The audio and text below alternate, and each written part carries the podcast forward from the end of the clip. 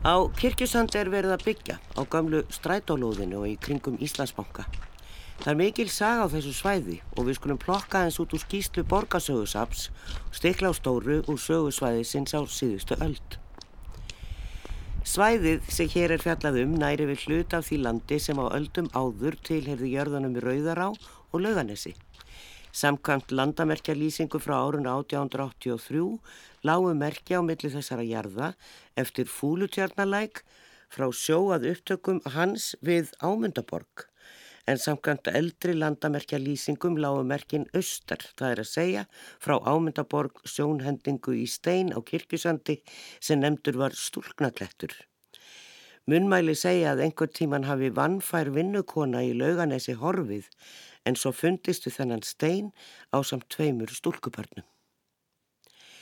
Á árunum 1949 til 75 voru gerða mikla landslagsbreytingar á svæðinu, austasti hluti fúlutjarnar náðin á svæðið á sínum tíma en fyllt var upp í tjörnina og var lokið um 1960. Austast um svæðið rann lögalækur en hann var settur í stokk árið 1949 og ströndin byggð fram um 100 metra með landfyllingu. Því er ásýnd og náttúra hins forna kirkjusands mjög mikið breytt. Í kjölfar þess að gott vegasamband komst á úr bænuminni að Lauganesi með gerð nýja Lauganesvegarins var kirkjusandur miðstöð fiskverkunar á fyrirluta 20. aldar. Á ytri kirkjusandi fekk Þorstein Þorsteinsson sem oftast var kallaður T.H. Þorsteinsson leiði til að koma upp fiskverkunastöð, saltfisksverkun árið 1899. Þorstein var tengda svona Geir Sóega og hafði stopnað vesturina Liverpool árið 1896, auk þess að vera með þylskipa útgerð. Árið 1900 setti Jess Simpson á fót fiskverkun á Inri kirkjusandi á samt bræðrunum Byrni og Þorsteini Gunnarssonum og þar reistu þeir tvö fiskverkunarhús. Á næstu áratugum reistu félagin margvísle mannverki í kringum fiskvinnsluna á svæðinu, þar á meðal þurrkús, geimsluhús, vélaskúra, þvottahús, verbúðir, verkstjórnar, íbúð og bryggjur. Fjöldi manns var í vinnu við saltfisksvinnsluna og var reytur T.H. Torstenssonar lengi eitt stæsti fiskreiturinn í Reykjavík og vinnustaður fjölda karla, kvenna og barna.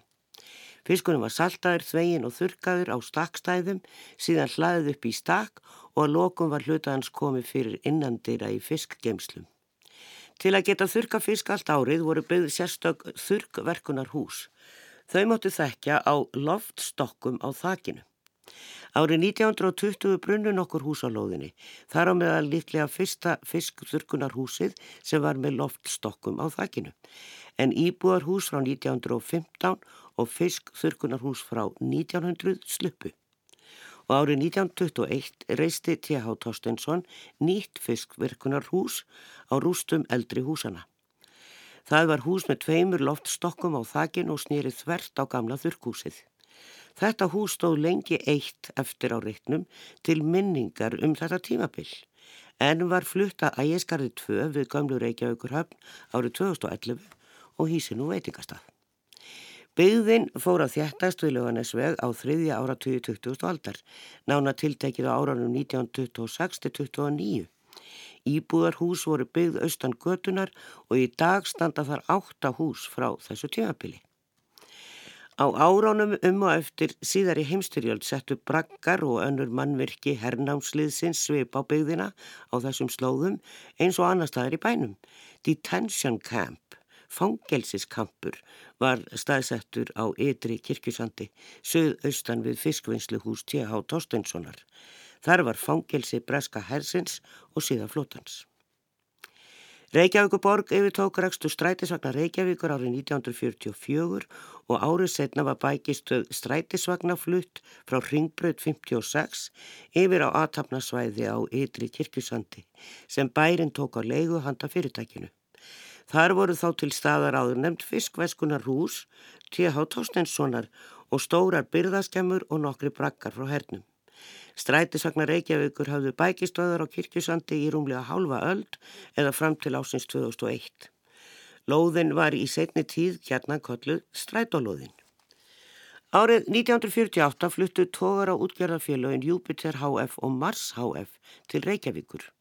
en þau voru uppaflega stopnuð í Hafnafyrði af tryggva óföksinni og fleirum.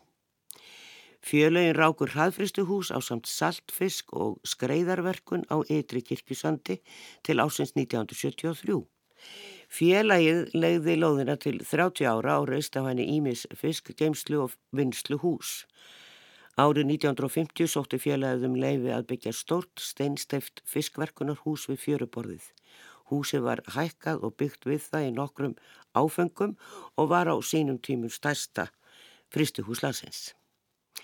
Í kjálfar eldgossins í heimægi árið 1973 kefti Ísfélagið frá Vestmannheim fristuhúsið og aðrar egnir á kirkjusandi og rak til ársins 1975 þegar samband Íslenskar samvinnufélagi kefti húsegnirnar við kirkjusand.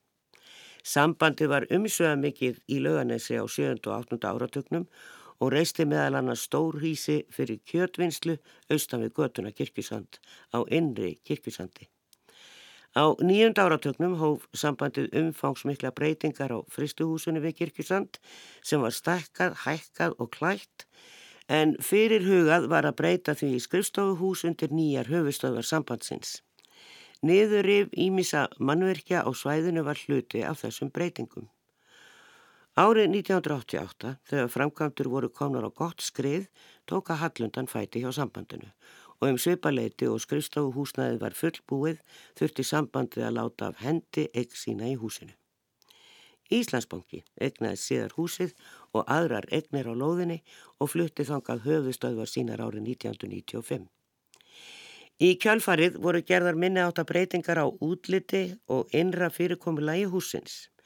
Öll mannvirki sem voru reist undir fiskverkun á kirkjusandi á fyrri helmingi 20. aldar og mynduðu ákveðna þyrpingu og menningarsögulega heild hafi verið rifin að einu húsi undanskildu. Það hús var ekki varðveitt á kirkjusandi heldur flutt þaðan árið 2007 og komið fyrir við gamlu höfnuna í Reykjavík ægiskartfu eins og áður verið nefnt. Og þá látum við þessu lokið úr uh, skíslu Borgarsögursafnis. En hér í stúdíu setja Sigurborg Ósk Haraldsdóttir, formaður umhverfis og skipulagsráðs borgarinnar og kjartan Smári Haskuldsson, framkvæmdastjóri Íslands sjóða sem stýrir uppbyggingu á nýju hverfi á kirkjusandi. En við byrjum á teknistofinni Aski og ræðum við Pál Gunnlaugsson arkitekt sem stýrði deiliskipulagsvinnu á kirkjusandi. Já, heilmart var um að vera á lóðinu á kirkjusandi þó svo mér finnist ég ekki að hafa heyrt þetta orð kirkjusandi nema eftir að uh, Íslandsbanki fór inn á þessa lóð. En hvaðan um það við erum komin hérna á uh, teknistofina eða arkitektastofina ASK. Þeir hafa séð um deiliskypulag á þessum reit og er að hanna einhver húsana og eh, það eru ýmsir að byggja þarna borgin og svo á bankin, Íslandsbanki hluta af þessari lóð sem er ansið stór strætó var náttúrulega þarna eins og komið hefur fram og, og uh, þetta var náttúrulega svona heilmikið byggingasvæði þarna sem var bara ekkert verið að nota og náttúrulega fiskurinn löngu, löngu farin og uh, það koma þarna nýja götur meðal annars Hallgerðagata sem er nú kannski ekki skrítið, hún er nú talinn eiga gröf þarna á svæðinu og það minnismerkjum hana en fróðustu menn segja hún sé einhverstar undir stóru blokkinni sem var fyrsta liftubblokkinni í Reykjavík sem er á hodninu á Kleppsveginu. En þetta er náttúrulega milli löganesvegar og sæbrautar þessi lóð. Þetta eru umferðagötur hann að borgatún, kringlumirabraut og svo sæbraut þannig að e, það verða sásagt einhverja kröfur í sambandi við hljóðvist og annað Pál Gullarsson er arkitekt og frangotastjóri hér á ASK og þetta er búið að vera í vinslu, segirum mér, frá 2013 uh, af því að Íslandsbóki ætlaði að stækka þarna síðan veitum við sögunum það að húsið það kom upp mikla og það var ekki, bankin fluttu úr húsinu og, en borgin var alltaf að hugsa um að byggja þarna, burt sér frá því hvað Íslandsbóki hefur gert. Já, borgin átti náttúrulega hluta þessari loð og deiliskypulæðið var eins og þú segir byrjað 2013 og þá var þetta samvinuverkefni borgarinnar og Íslandsbanka bankin er kannski að byggja um 70 íbúðir og síðan er borgin með ráðstöfunarétti yfir eh, svona 230-50 íbúðum uh, á sínum lóðum. Og svo er séns á hóteliðana líka. Já, uh, svæðinu er skipt niður í nýju lóðir uh, í deiliskeipulaginu og þær eru mismunandi, sumar eru, sem sagt, ein lóðin er gamle kirkjusandur, bankin með sinni viðbyggingu og síðan er sömarlóðurnar ætlaði bara fyrir starfsemi, skrifstofur eða veslanir eða slíkt. Aðra lóður eru með blandaða starfsemi og, og það sé að veslanir á jarðæð og, og íbúður uppi. Síðan eru enn aðra lóður sem eru engöngu fyrir íbúðir og það eru lóðurnar sem eru næst lögarnisveginum. Svona við getum sagt uh, austar megin við Hallgerðagötu og síðan er einlóð þarna sem er á horni sæbröytar og kirkjusands það er e, eina lóðin þar sem er heimilt að byggja hótel þannig að, að, að þetta verður mjög blönduð byggð þegar uppi staðið Já. En það, því ég var að fara svona yfir þetta mjög ítalegur ítali skísla sem maður getur farið svo ég bendi hlustandum á inn á ask.is og og þar er hægt að skoða uh, þetta deiliskeipula sem eru fleiri, fleiri síður en það eru myndir og uppdrættir og, og einni mikil texti sem gaman er að lesa. Að, að þá fannst mér eins og það séu mjög ítalega kröfur þarna bæðum útlitt, hljóðvist, e, allt mögulegt sem að, já ég veit ekki, er, eru kröfunar að verða meiri í sambandi við þetta, farið fram á séu minnst sjö stofur, arkitektastofur að, hanna húsinn, E, við erum nú að sjá heilu reytina hér sem eru að hanna þeirra sömu stofinu og þeir verða kannski svolítið svona einsleitir og af því að fólk hefur náttúrulega mismunandi hugmyndir. E, er, er eitthvað nýtt í þessu svona á miða við það sem áður hefur verið? Já, við kannski getum sagt það að þegar menn fór að byggja inn í bænum það sem er náttúrulega mikið nálægð við eldri byggð að þá eru kannski gerða meiri kröfur um það að, að menn ákveður svolítið fyrirfram hvernig það var að líti út. Uh, það er, eða gerir meiri kröfur um það hvernig þetta var að líti út. Í þessu tilfelli erum við náttúrulega að byggja bæði byggð sem er mjög sínileg uh, svona hérna í Reykjavík og frá hafi og, og megin uh, svona aðkomu inn í, inn í borgina. En við erum líka að byggja byggð sem að leggst upp að núverandi byggð, svona smágerðri byggð til dæmis við, við lauganisvein og þessar aðstæður gera það verkum að, að það er lögð meiri áherslu að, taka þetta eins lengra og gera meiri kröfur um það hvað, hvað sagt er í deiliskypulæginu að þetta er að líti út. Já. Þú talar um uh, sjö arkitektastofur og það er alveg rétt. Þannig eru nýju lóðir og, og, og það var sett inn í skilmála þessara fyrir þetta svæði að það eru það minnstakosti sjö arkitektastofur sem að uh, hönnuðu byggð á, á þessu svæði og það er gert með þeir náttúrulega markmiðið er það að fjölbreytnin sé að það sé ákveðin fjölbreytni í þessu og ég held að það eigi eftir að sína sig að það eh, skilar betri árangri heldur en ef að til dæmis að það væri engar hvaður um svona breytileika á útfærslum. Já, Við heyrum nú alveg gætna núna í þessari uppbyggingu sem er í borginni að, að, að útlitt sem sagt þetta sé ekki einn langur veggur, við getum bara nefnt langu vittlisu blokkin upp í bregðholti sem að fyllir einhvern veginn upp í ramman og mm. lagast nú reynda mikið eftir hún var bara máluð þá breyti staðin en þessi krafa er doldið mikið í og við sjáum þetta í þessu nýju hverfum að það er raukt og gullt og blátt og, og svona örysi svalir og dreyið inn og dreyið út og misið hæð en er, er við að ganga enn lengra þarna? Nei, ég held að þetta sé nú bara ángi á sama máli. Það er verið að reyna að koma vekk fyrir að það séu langar samfélgdar hliðar. Það verið svona að reyna að ná upp þessum smágerða karakter sem að kannski fylgir borginni, bæði hvað var þar eh, stærðir, eh, efnisval og eh, að ekki sé tala um liti, að, að, að við förum ekki úr þessum kvarða sem að, sem að borgin er nú mm. þegar. Og, og þetta er náttúrulega sérstaklega mikilvægt kannski það sem verður er að byggja inn í, inn í, sagt, inn í eldri hverfi ja. sem hafa byggst eins og við vitum, vitum að eiginlega öll okkar hverfi, svona miðlægu hverfi hafa byggst upp á tiltöla löngu tíma. Þannig að það eru svona mismunandi útvarslur og menn geta séð bara yfir þög og svona mismunandi liti og, og allt slíkt, kvisti, hallandi þög og flöt þög og alls konar.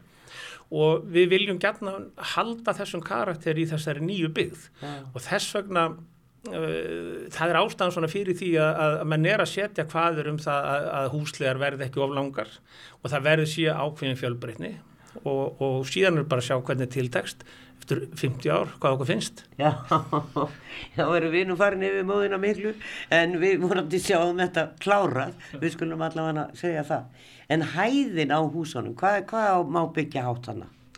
hæst uh, þetta er svona, við getum sagt uh, þetta er svona þeir sem eru, þetta er þryggja ég getum sagt að meðalhæðin sé svona kannski fjóri-fimm fjóra-fimm hæðir. Við förum lægst kannski í, í tvær hæðir sem eru er í byggðinni sem er næst á laugunarsveginum og hæst förum við í tíu hæðir þar sem er uh, ein, á einni lóð þar sem er lef, lef hótel. Byggðin sem er að rýsa núna við sæbrutuna er svona 5 til 7 hæðir. Byggðin síðan sem er nær laugunum sem fer, fer svo í, í, í kannski 4-5 og byggðin sem er næst laugunarsveginum er 2 til 3 ár. já, kannski. Þannig að þetta er ymsar hæðir í, í þessu. Og þarna er leigufélagið Bjarg sem að verkalýsfélagin stopnuðu á sínu tíma og eru þegar komnar fínar íbúður upp í Grafóð og þeir eru að byggja víða og meðal annars þarna á þessum þessar lægri byggingar þarna við hallgerðar götu, braut eða stræti, götu, hallgerðar götu. en við ættum kannski fara á við getum komist í þessa götu. Ég, nú er hann svo forvitin að koma í hallgerðar götu. Það eru þarna smáa göturinn á milli fá þær allar nafn? Nei, þetta verður allt, þetta verður allt, uh, öll byggðin verður við Hallgerðargötu. ég skil. Það verður, verður bara, það eru jöfnutölurnar uh, austarmegin og, og, og otatölurnar vestarmegin. Við skulum skoða þetta. Skoðum þetta. Já, og við býðum aðeins með það og heilsum upp á Sigurborg Ósk Haraldsdóttur, formar umhverfis og skipulagsráðs og Kjartan Smára Höskuldsson, framkvæmdastjóra Íslandsjóða. Velkomin. Takk. Já, það er náttúrulega ótrúlega mikið saga þarna á þessum stað. Hún er miklu, miklu lengra en þessi langi ingangur var þó sem að var bara yfir þessi síðustu hundra ár á, á staðnum. Fiskverkun, sambandi, Íslandsbanki, strætó, ótrúlega margt. Þarna var Holsveikaspítali sem að brann og þarna var náttúrulega löganisbærin sem er horfin sem hefði nú átt að venda á sínum tíma og gera upp.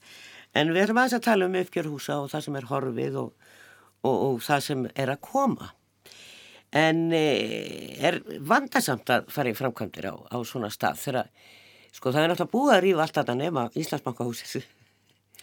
Já, já, og það er kannski við náttúrulega erum ósalega spennt. Uh, sem sagt við erum að stýra félaginu 105 miðborg sem er uppbyggingarfélag sem var stopnað um uppbyggingu þarna á svæðinu og við erum sem sagt að, að byggja upp í rauninni sex byggingar á, á kirkjusands reitnum þar af þrjár byggingar sem að verða íbúðarhúsnæði alls við erum með um 160 íbúðir í, í byggingu og undirbúningi og, og svo eru þarna þrjár byggingar undir atvinnuhúsnæði Um, eins og þú segir þá var auðvitað búið að taka til mikið á lóðinni og að því leitinu til er þægilegt að byggja þarna. Við getum, við þurfum ekki að taka eins mikið tillit til nágranna til næstu húsa, þetta er auðvitað flenni stórt svæði og mikið plás. Þannig að það er auðvelt fyrir verktakan okkar að, að aðtapna sig og hérna þarf ekki að passa að klippa í sundur símaleðslur eða ljósleðara hjá hérna íbúanum í í, við hliðina á eins og, eins og hefur kannski oft komið upp þegar verið að þétta byggð eins og neyri miðbæ. Já, þannig að, að því letinu til þá, þá er þetta hérna, þá, þá bara gengur þetta vel og, og hægt að setja mikinn kraft í framkvæmdir, þetta við erum með þarna eins og fólk sér núna, þarna eru margir kranar og mikið af, af, af fólki að vinna og, og þessi hús hafa reysið hratt, við erum að klára að, að reysa fyrstu þrjú húsi núna já, fyrstu tvö núna bara snemma á næsta ári og, og, og hérna þriðja á, á árunni 2020 þannig að þetta er, er hörk og gangur í þessu.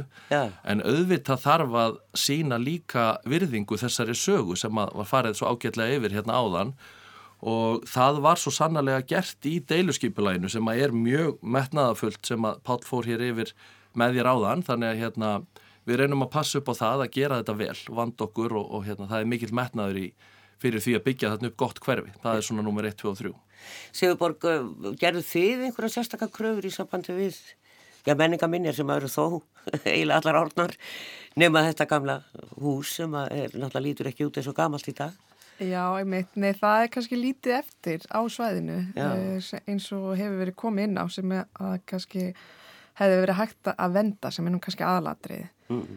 um, það sem að, að það er svo áhugavert mann finnst einhvern veginn þegar framkvæmdir hefjast að þá gerist allt svo hratt en það sem að er raunin eins og í þessu dæmi er að, að þarna áður en að framkvæmdir hefjast þá líkur kannski 5-7 ára að vinna uh, að baki. Sumum tilfellum er hún mikið stittri en, en í þessu tilfell er hún ansi löng. Uh, þetta deiliskypulag það er náttúrulega unnið af uh, askarkitektum og er mjög metnafullt og er náttúrulega unnið í samráði við sviðið um hversu skipula svið þannig að, að allir þessir skilmálar og allir þessi ítarlegu hvað er um hitt og þetta að það, það kemur náttúrulega sameinlega frá fagstjettinni og það er svolítið magnað við sjáum þegar við skoðum svolítið svona söguna sko frá því að, að deiliskypulag við fórum að gera deiliskypulag og þá gæti ég dagsins í dag að þau voru rosalega lauslega, þetta var bara svona ein grunnteikning og bílastæðin eru hér og húsið er hér og það er þrjár hæðir og og það var ekkert mikið meira tilgreint svo sem í deiliskypulagi en að kannski hvað er um lagnir og hitt og þetta. Já. en í dag eru deiliskypulagi orðin svo nákvæm og það er búið að vinna svo mikla uh, grunnvinnu áður en að skypulagi er orðið að einhver eins og í þessu tilviki uh, fordleifaskráningu, húsakönnun.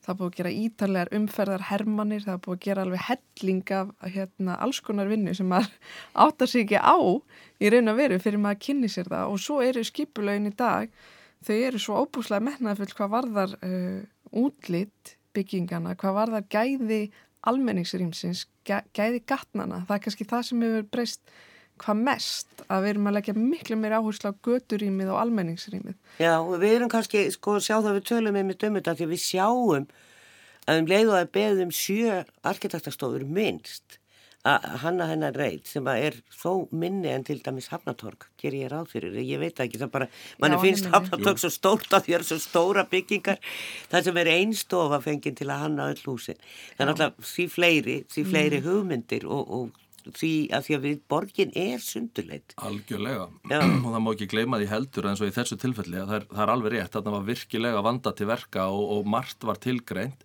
sem að gerir það að verkum að við getum kannski unni hraðar á framkvæmdatímanum eins og það er búið að skilgreina fullt af hlutum fyrirfram í undibúningi þannig þá þarf ekki að vera að taka þessar mikilvægu ákvarðanir á leiðinni en á móti kemur auðvitað að það að framkvæma svona metnaðafullt skipulag er líka dýrara Já. og það er dýrara að leita til sjö arkitektastofa til þess að hérna, mhm. taka hverfið og, og skipulagja það heldur en að fá eina og þetta kannski leiti til þess að við erum mjög metnaðafull í, í, þessu, í þessari uppbyggingu og hver einasta bygging, við erum að leita mér svo út fyrir landsteinuna, við erum með danska heimsfræga arkitekta Smith Hammer Larsen sem að meðal annars hönnuðu skuggakverfið á sínum tíma þannig að við reykvíkingar þekkjum, þekkjum þá. Hönnuðu meðal annars konunglega bókasafnið í, í hérna, Kaupmannahöfn, Svarta Demantinn. Og þeir eru að hanna þarna fyrir okkur tvö hús af þremur, þetta er fyrsta áfanganum og þetta er auðvitað ofsalega spennandi en, en hérna, við erum auðvitað ekki kannski endilega geta farið alltaf hagkvæmustur leiðarnar sem að eðlilega skila sér í því að íbúða verður, þetta verður ekki hagkvæmt húsnæði. Nei, ekki nefnir henni með við göttuna, skulum við vona ja, að verkefnisreikunni takist það nú. En hérna en það er, sko, það, það er líka verið að setja veslunarími og við sjáum þetta í öllum nýju hverfanum, bara hérna við hliðin á efstaleitinu, það er ekki eftir áð fyrir nokkrum veslunarímim og þó svo að kringlan og austuver séu hérna með mikið af veslunum og, og söðuver og þetta er það rétt hjá. Þarna er nefnilega svolítið gaman aðeins í lögarnarskverfinu, það er svolítið lífandi hverfi hvað varðar vestlun Já. það er kaffihús, það er bakari, það er fyrstbúð og það er skósmiður og, og, og frú lauga og það er ímislegt þarna sem er, hefur einhvern veginn lifað af á meðan við önnur hverfi. Algjörlega, þetta er mikil gróska. Já, en, en haldið að verði eftirspurn eftir þessu veslunarými í þessu nýju hverfi? Já, við finnum það nú þegar og við, sko, eitt af þessu sem að, svona þessum undirbúningsatriðum sem við fórum í var að tala við íbúa í þessu rótgróna hverfi. Þetta er náttúrulega gamalt hverfi og margir sem að hafa bæði hérna, átt hérna heima allt sitt líf hins vegar hefur lítið verið byggt þarna af nýju húsnaði síðustu áratugina og kannski margir sem að vilja ekki flytja úr hverfinu en hafa verið að býða eftir bæði minni íbúðum og einhverju nýju. Og hérna í samtölum okkar við íbúi í hverfinu þá kom kannski helst fram að, að fólk saknar þess að hafa hagkvæm maturverslun þar sem er hægt að gera þessi stærri innkaup. Og það er það sem við erum að undibúa þarna nýra á, á nýja kirkjusandsreitnum í dag. Já, já, þannig að og, það kemur bólasbúðu eitthvað. Já, eitthvað, það er þetta bara liður í þessu megin markmið okkar að búa til gott hverfi. Að þá þurfum við að leysa, leysa stórumálinn fyrir íbúana já. og það að kaupi matinn er svo sannarlega mikilvægt, það vitum við nú matgeðingarnir, að, hérna, að þetta er eitthvað sem allir þurfa að glíma við, já nánastælega, að hérna, draga björg í bú eða þannig. Já, við skulum gera smá hlið hér og bregða okkur aftur með Páli Gunnljófssoni, arkitekt í Lauganessið. Já, þá erum við komin hér í Hallgerðagötu í Lauganessinu og eh, hérna bakvið, sem sagt austan megin við Hallgerðagötu sjáum við gamlu húsin við Lauganessvegin eh, sem eru allavega, þetta er skemmtileg gata þvíleiti og hún er afskaplega mismunandi, mismunandi farin húsin. En það er ykkur endurbyggingar og endur nýjun líka og uppgjör á húsunum þar. Og alveg er ég vissum að ef þegar byggðin verður komið hér þá er það kvartning fyrir þá sem hafa slugsa með húsin sín á löganesveginum að, að taka til hendinni og, og laga þög og glugga og annað og mála. En við sjáum hér tvær stóra byggingar, við horfum í vestur átt og e, af Hallgerðagötunni og e, þetta eru íbúðablokkir og síðan er stór partur á loðinu eða það sem að strætóvar, þar er ekkert byrjað. En það er byrjað hérna þar sem að þetta eru svona lægri hús, e, tvær mestalagi þrjárhæðir og það er meðal annars bjarg og svo Brynja sem byggir fyrir öryrkjabandalagið. E, þeir verða hér og einhverjir aðri, þau eru, eru þeir með alla þessa lengi við allgerðagötu, þessi e, leiðu íbúðnar hjá bjargi og svo Brynju. Já, þessar íbúr sem eru austamegi við Hallgerðargötu eru sagt, annars vegar Bjarg og hins vegar eh, Brynja, húsfjóður öryggi bandalagsins og það verða, verða hreinar, íbú, hreinar íbúðabyggingar. Já, já. Er byggingar sem við sjáum hér í vestur eins og við segir, þær eru sögumuleiti íbúðabyggingar, stóra húsið næst sæbröð er eh, bara hrein, eh, er bara hrein íbúðabygging. Húsið sem er síðan aðeins fjær sæbröðinni er er blanda af íbúðum og, og starfsemi. Það er gert ráð fyrir sagt, torgi og verslunum á, á jarðhæð og íbúðum á efrihæðin.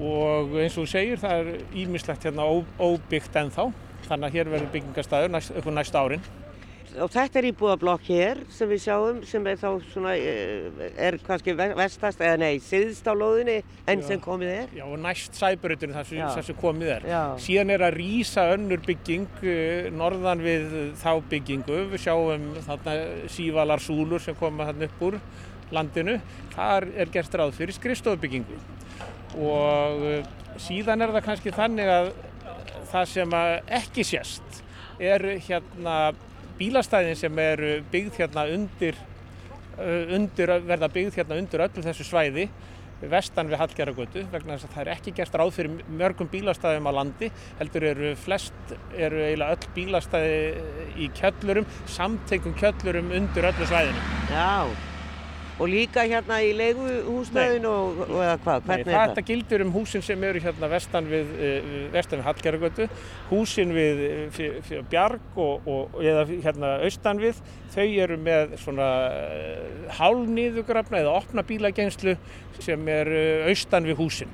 En húsin sjálf, byggingarna sjálfar, koma hérna alveg að götunni að því að það var lögð mikil áherslu að það í þessu deiliskeipulagi að að við værum að byggja húsin að gödunum og, og þannig að það eru, er svona hálniður grafna bílageinslur á baklóðunum getur maður sagt og Já. það verður, síðan verður lóðin, lóð þeirra húsa verður ofan á þeim, ofan á þeim bílageinslum. Já, þetta breytir náttúrulega heilmikið fyrir fólkið sem að býr hérna á löðanesveginum og búið að búa allar æfi líklega í eins og ég segi, sum húsin eru einhæð, þannig eru tvær, sum, sum þrjár með, eða sem sagt þá með kvist og risi og e, þetta, þetta fer eiginlega alveg onni bara upp að bílskurnum hjá þeim.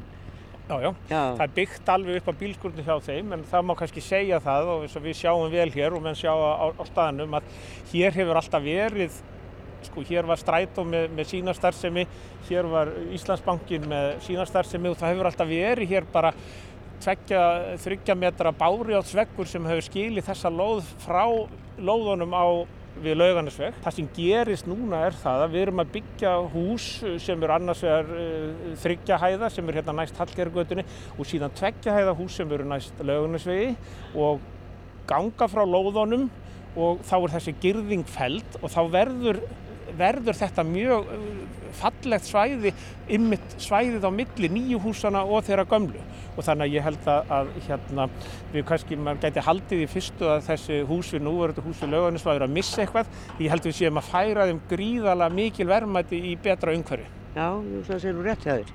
Það verður allavega komið eitthvað að ganga út og ganga hérna beint nýra sjó. Til dæmis. Fara hér á milli húsan og það eru hérna litla götur á milli. Ymmitt. Er, er, og þær, þetta verður allt saman Hallgerðagata, allt þetta stóra hverfi? Þetta, þetta stóra hverfi verður allt saman uh, skrásett við Hallgerðagötu.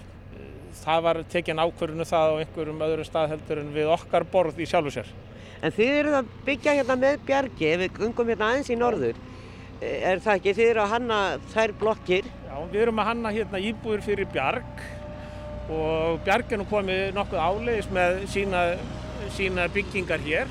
Hér er gert ráð fyrir 82 íbúðum uh, af ýmsum stærðum en svona aðalega kannski minni íbúðum en uh, hér sjáum við að það er búið að steipa upp hluta af íbúðunum og síðan koma verður fyllt inn í þessa, á milli þessara steipu, steipu veggja með uh, timbureiningum sem koma frá Lettlandi og er verið að smíða þar og koma svona fullbúna þannig að húsin klárast ansi fljótt þegar, svona, þegar þessari jarðvinnu og þessari uppsteipu vinnu, líkur þá, þá kemur þetta allt svolítið fljótt. Kemur eldhúsið bara í heilu lægi? Kemur allt í, það verður, það verður ekki svoleiðis reyndar en, en, en gólf og, og, og, og útveggir, sagt, austur og vesturveggir koma al, algjörlega tilbúið með gluggum og öll, öllu slíku.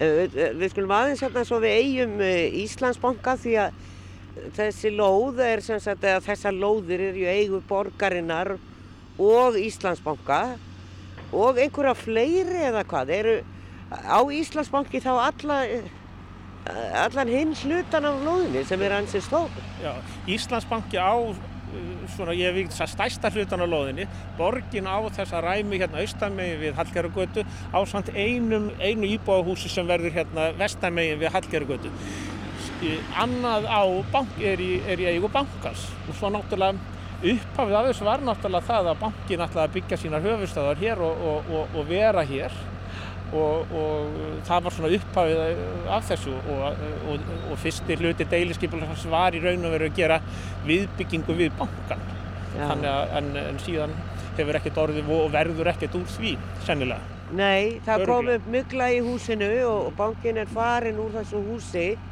sem var náttúrulega reist hér af, í útgerð, hér var saltaði fiskur og þurkaður hér út á klöppunum og og allavega útgerð hér frá, frá þessu húsi og, það, og sambandi kom í húsið og, og Íslandsbánki svo hér í, í endan. En hvað verður um þetta hús? Verður það rifið bara því að það er svo myglað eða Já. hvað á að gera við það? Það er kannski ekki, ekki mitt að svara því. Við, það sem við vitum er náttúrulega það að bankin flutti ekki í húsi vegna þess út af myglu.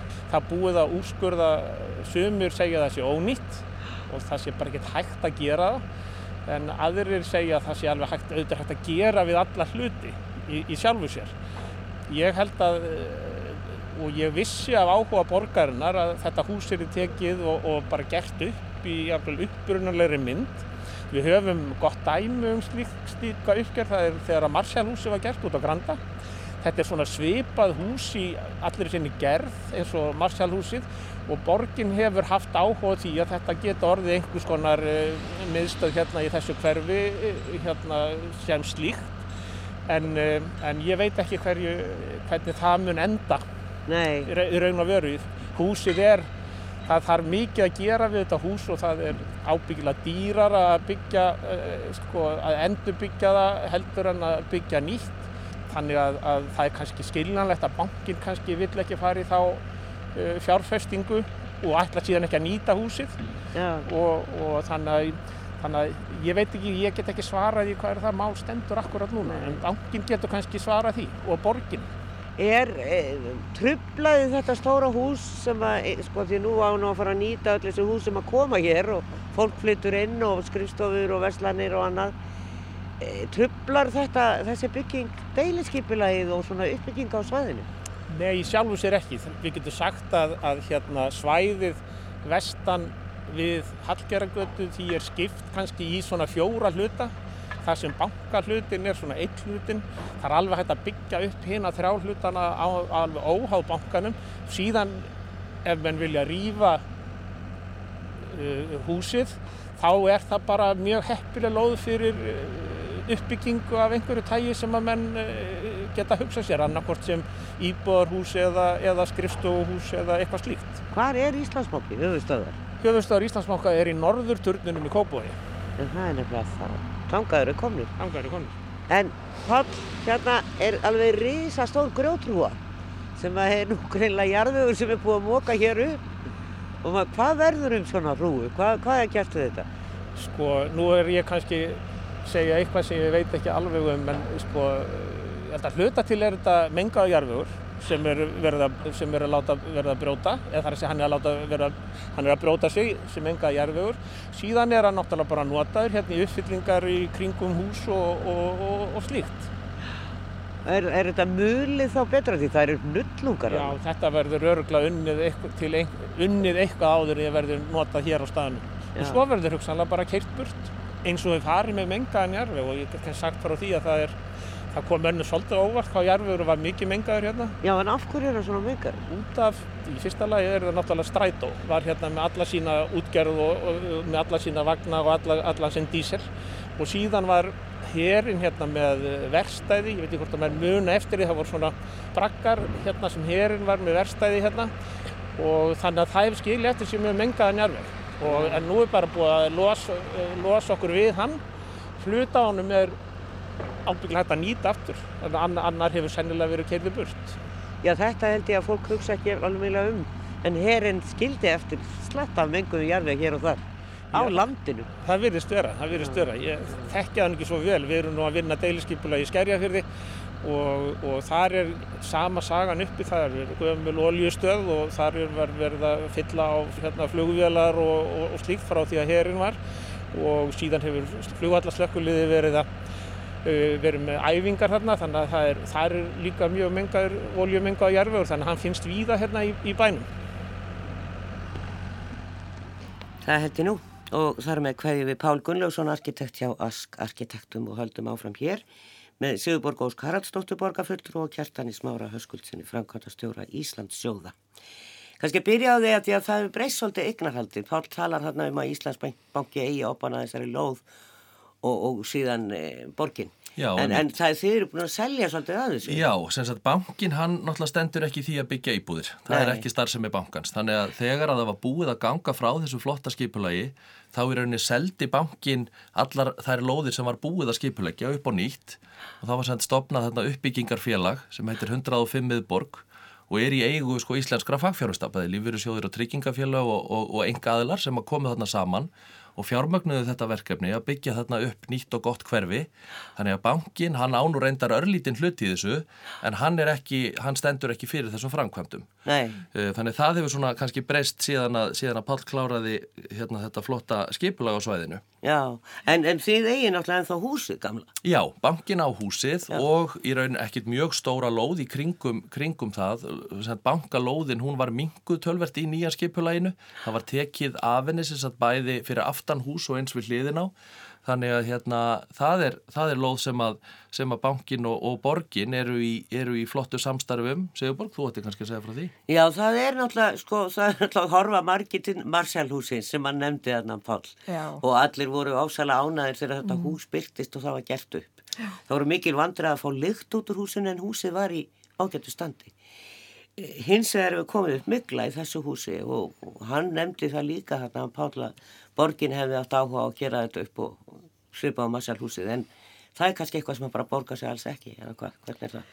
Já, það er nú máli sko að þegar að sambandi gerir húsið upp á sínum tíma með þessari álklæðningu að þá var raun og veru gengið þannig um, frá hlutunum að það hafði mjög slæm áhrif á steipuna. Það er að segja vatn komst inn í klæðninguna og svo bara miklaði steipan og ekkert bara hún að sjálfsögur fleiri hlutir. Þannig að það er sko, húsið er rosalega illa farið af miklu og Já. hún er komin djúft inn í steipuna. Þannig að sko, og, og það má ekki gleyma því heldur hvað þetta hús hefur haft slæm áhrif á heilsu margra hér á þessu landi í raun og veru. Já. Þetta var ótrúlega hátt hlutfall fólks sem að vektist að því að vera í þessu húsi. Þannig að þegar að hérna, nú búið að rannsaka húsi alveg til hlítar og í raun og veru á fleirum en einum aðila. Já.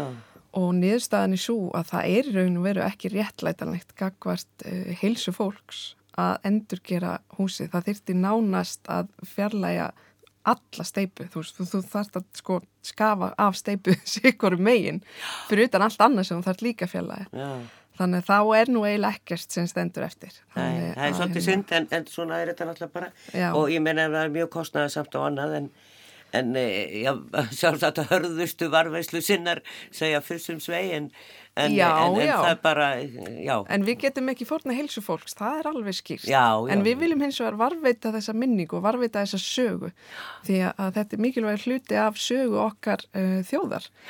Þannig að það er í gangi núna mjög gott samstarf milli okkar og, og uppbyggingar aðala um að, að í raun og veru fara í ákveðna hugmyndaleit eða, eða samkemni um svæði þar sem við munum skoða Eh, bæði uppbyggingu á svæðinu með aðeins öðrum hætti en, en hvað er á í, í þessum hluta deiliskypulagsins, þar sé hlutanum sem að bankin stendur á.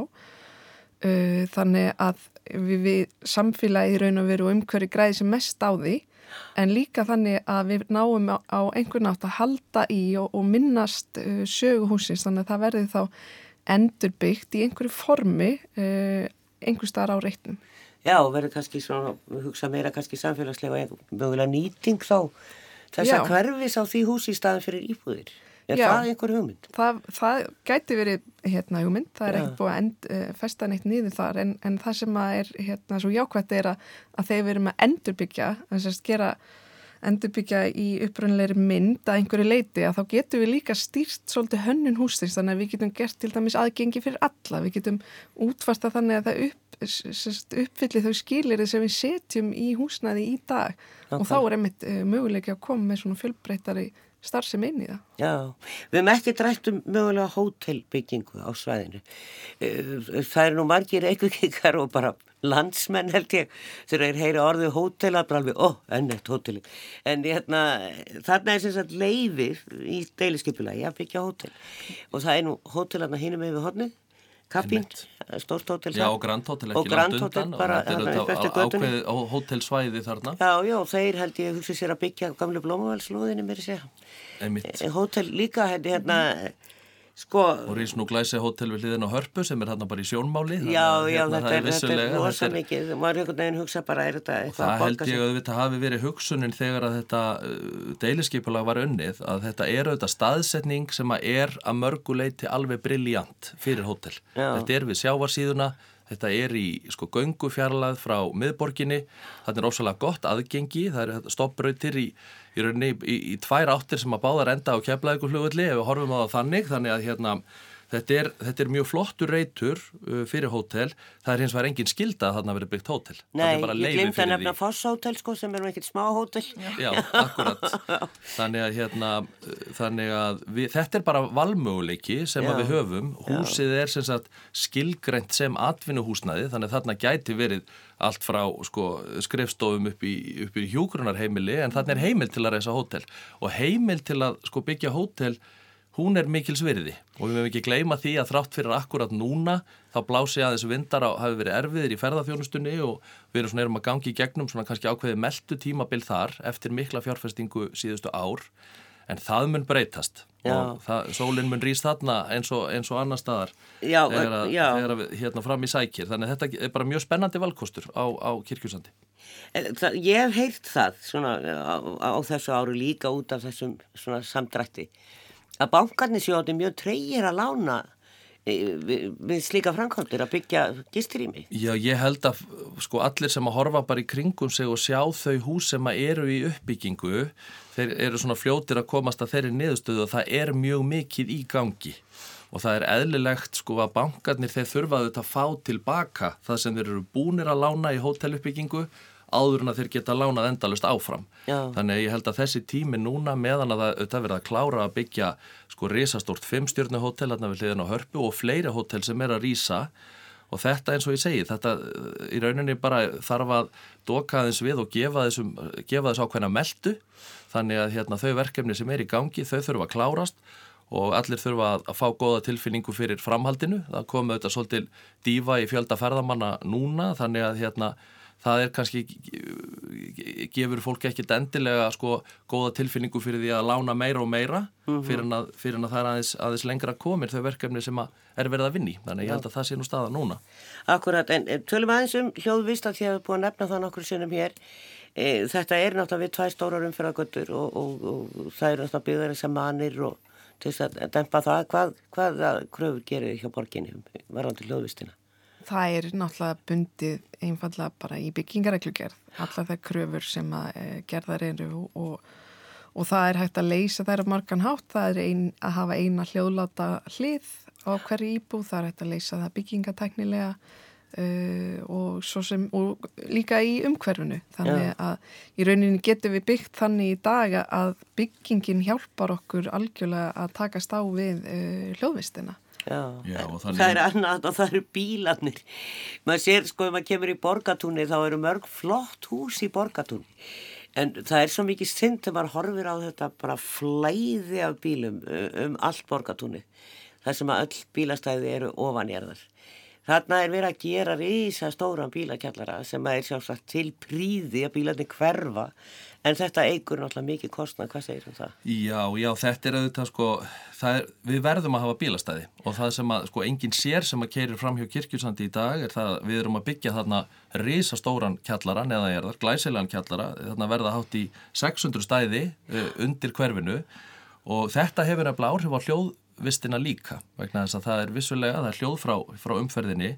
Þannig að hérna, við, erum, við náðum því í þessu skipulagi að, að leysa bílastæðamálinn með því að hafa fullt af stæðum en hafa þau neðajarðar. Vissulega þá er þetta dýrara en að hafa þau ofanjarðar yeah. en þetta er ákveð svona verðmætamat sem að þarf að eiga sér stað og að hérna þarna var niðurstaðan, jú byggjum frekar aðeins dýrara og aðeins að, förum í meiri gæði setjum bílastæðin niður í jörð og dílum svo við hljóðvistina eins og Sigurborg kom inn á í gegnum hönnun húsana og við erum að ganga mjög langt í því að hérna og, og meðal annars sko vegna þessa þá leituðum við til erlendra arkitekta sem eru vanir að byggja sko hérna íbúðarhúsnaði við hraðbrutir, erlendis Já. þannig við erum að, að fara leiðir eins og til dæmi Stuðlaborgin sem er húsið sem er að rýsa við sjóin að þetta er hús sem er sko við erum með hljóðgólf, við erum með þykka veggi álglugga, húsið er að fullu loftræst bæði inn og út, þannig þú þarft, að, þarft ekki að opna glugga til að vera með færst loft. Allt þetta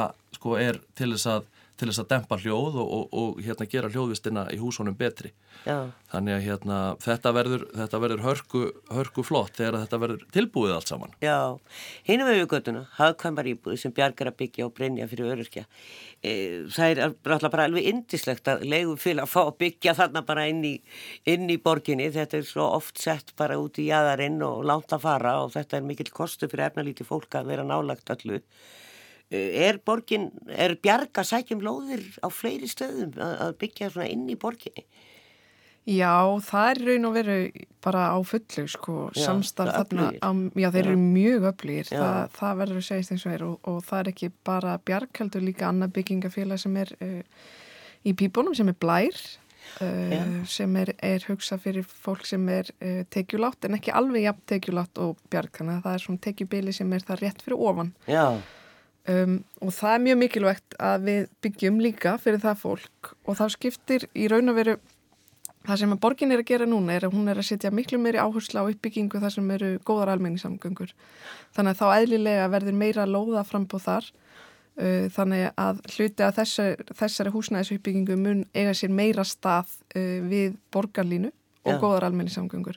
Og það er algjört líkil atriði að fólk sem er með minna á millihandana hafi góða nærþjónustu að það geti gengið þess að þarf að fara og það verði ekki að eiga bíl, bíl yeah. það getur kostað 1,2 miljón á ári að eiga og reyka bíl yeah. þannig að þá skiptir rosalega miklu máli að, að hérna, þessir uppbyggingar aðlar að þeir séu á stöðum ymmit eins og við kirkjusand. Já, það er líka bara kannski tíðar, það hefur verið þannig efnaðskerfið einhvern veginn á landinu núna undanfærin ára lega er svo leigan er svo há að, fólk næri ekki að sapna einu peningum þannig að það er fólk á öllum aldrei á leigamörkaði, það bara hefur aldrei tekist að sapna öðrum fyrir útborgun Akkurat. eftir að hafa settið þar enni þetta er besta mál, en uh, það er ekki mikil tíma eftir en svona aðeins af því þú nefndir að þú varum að hlusta Pál mengaðan jarðveg það er búið að reynsa allan jarfiða. Já, þetta var nú svolítið hérna sérstakt eh, moment hjá okkur nýra á kirkjusandi þegar við byrjuðum að grafa og fundum ólíu og vennilega þegar menn finna ólíu þá hoppa menn hæði sína í loft upp að kæti. En það var nú ekki þannig í þessu tilfelli vegna þess að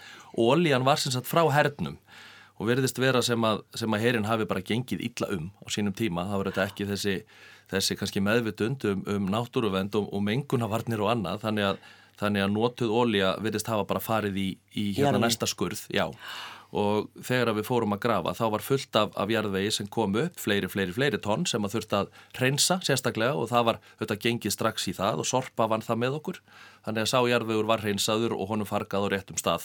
Þannig að það er búið að, búið að díla við það og, og grjótfjallið á kirkjusandi er tandurhend og verður nýtt er að vita það fyrir tilvonandi íbúa og við sláum botnin í þetta hér eh, um uppbygging á kirkjusandi Sigurborg Ósk Haraldsdóttir formæður umhverfis og skipilagsráðs og Kjartan Smári Höskuldsson framkvæmdastjóri Íslandsjóða Takk og kærlega fyrir. Takk fyrir. Takk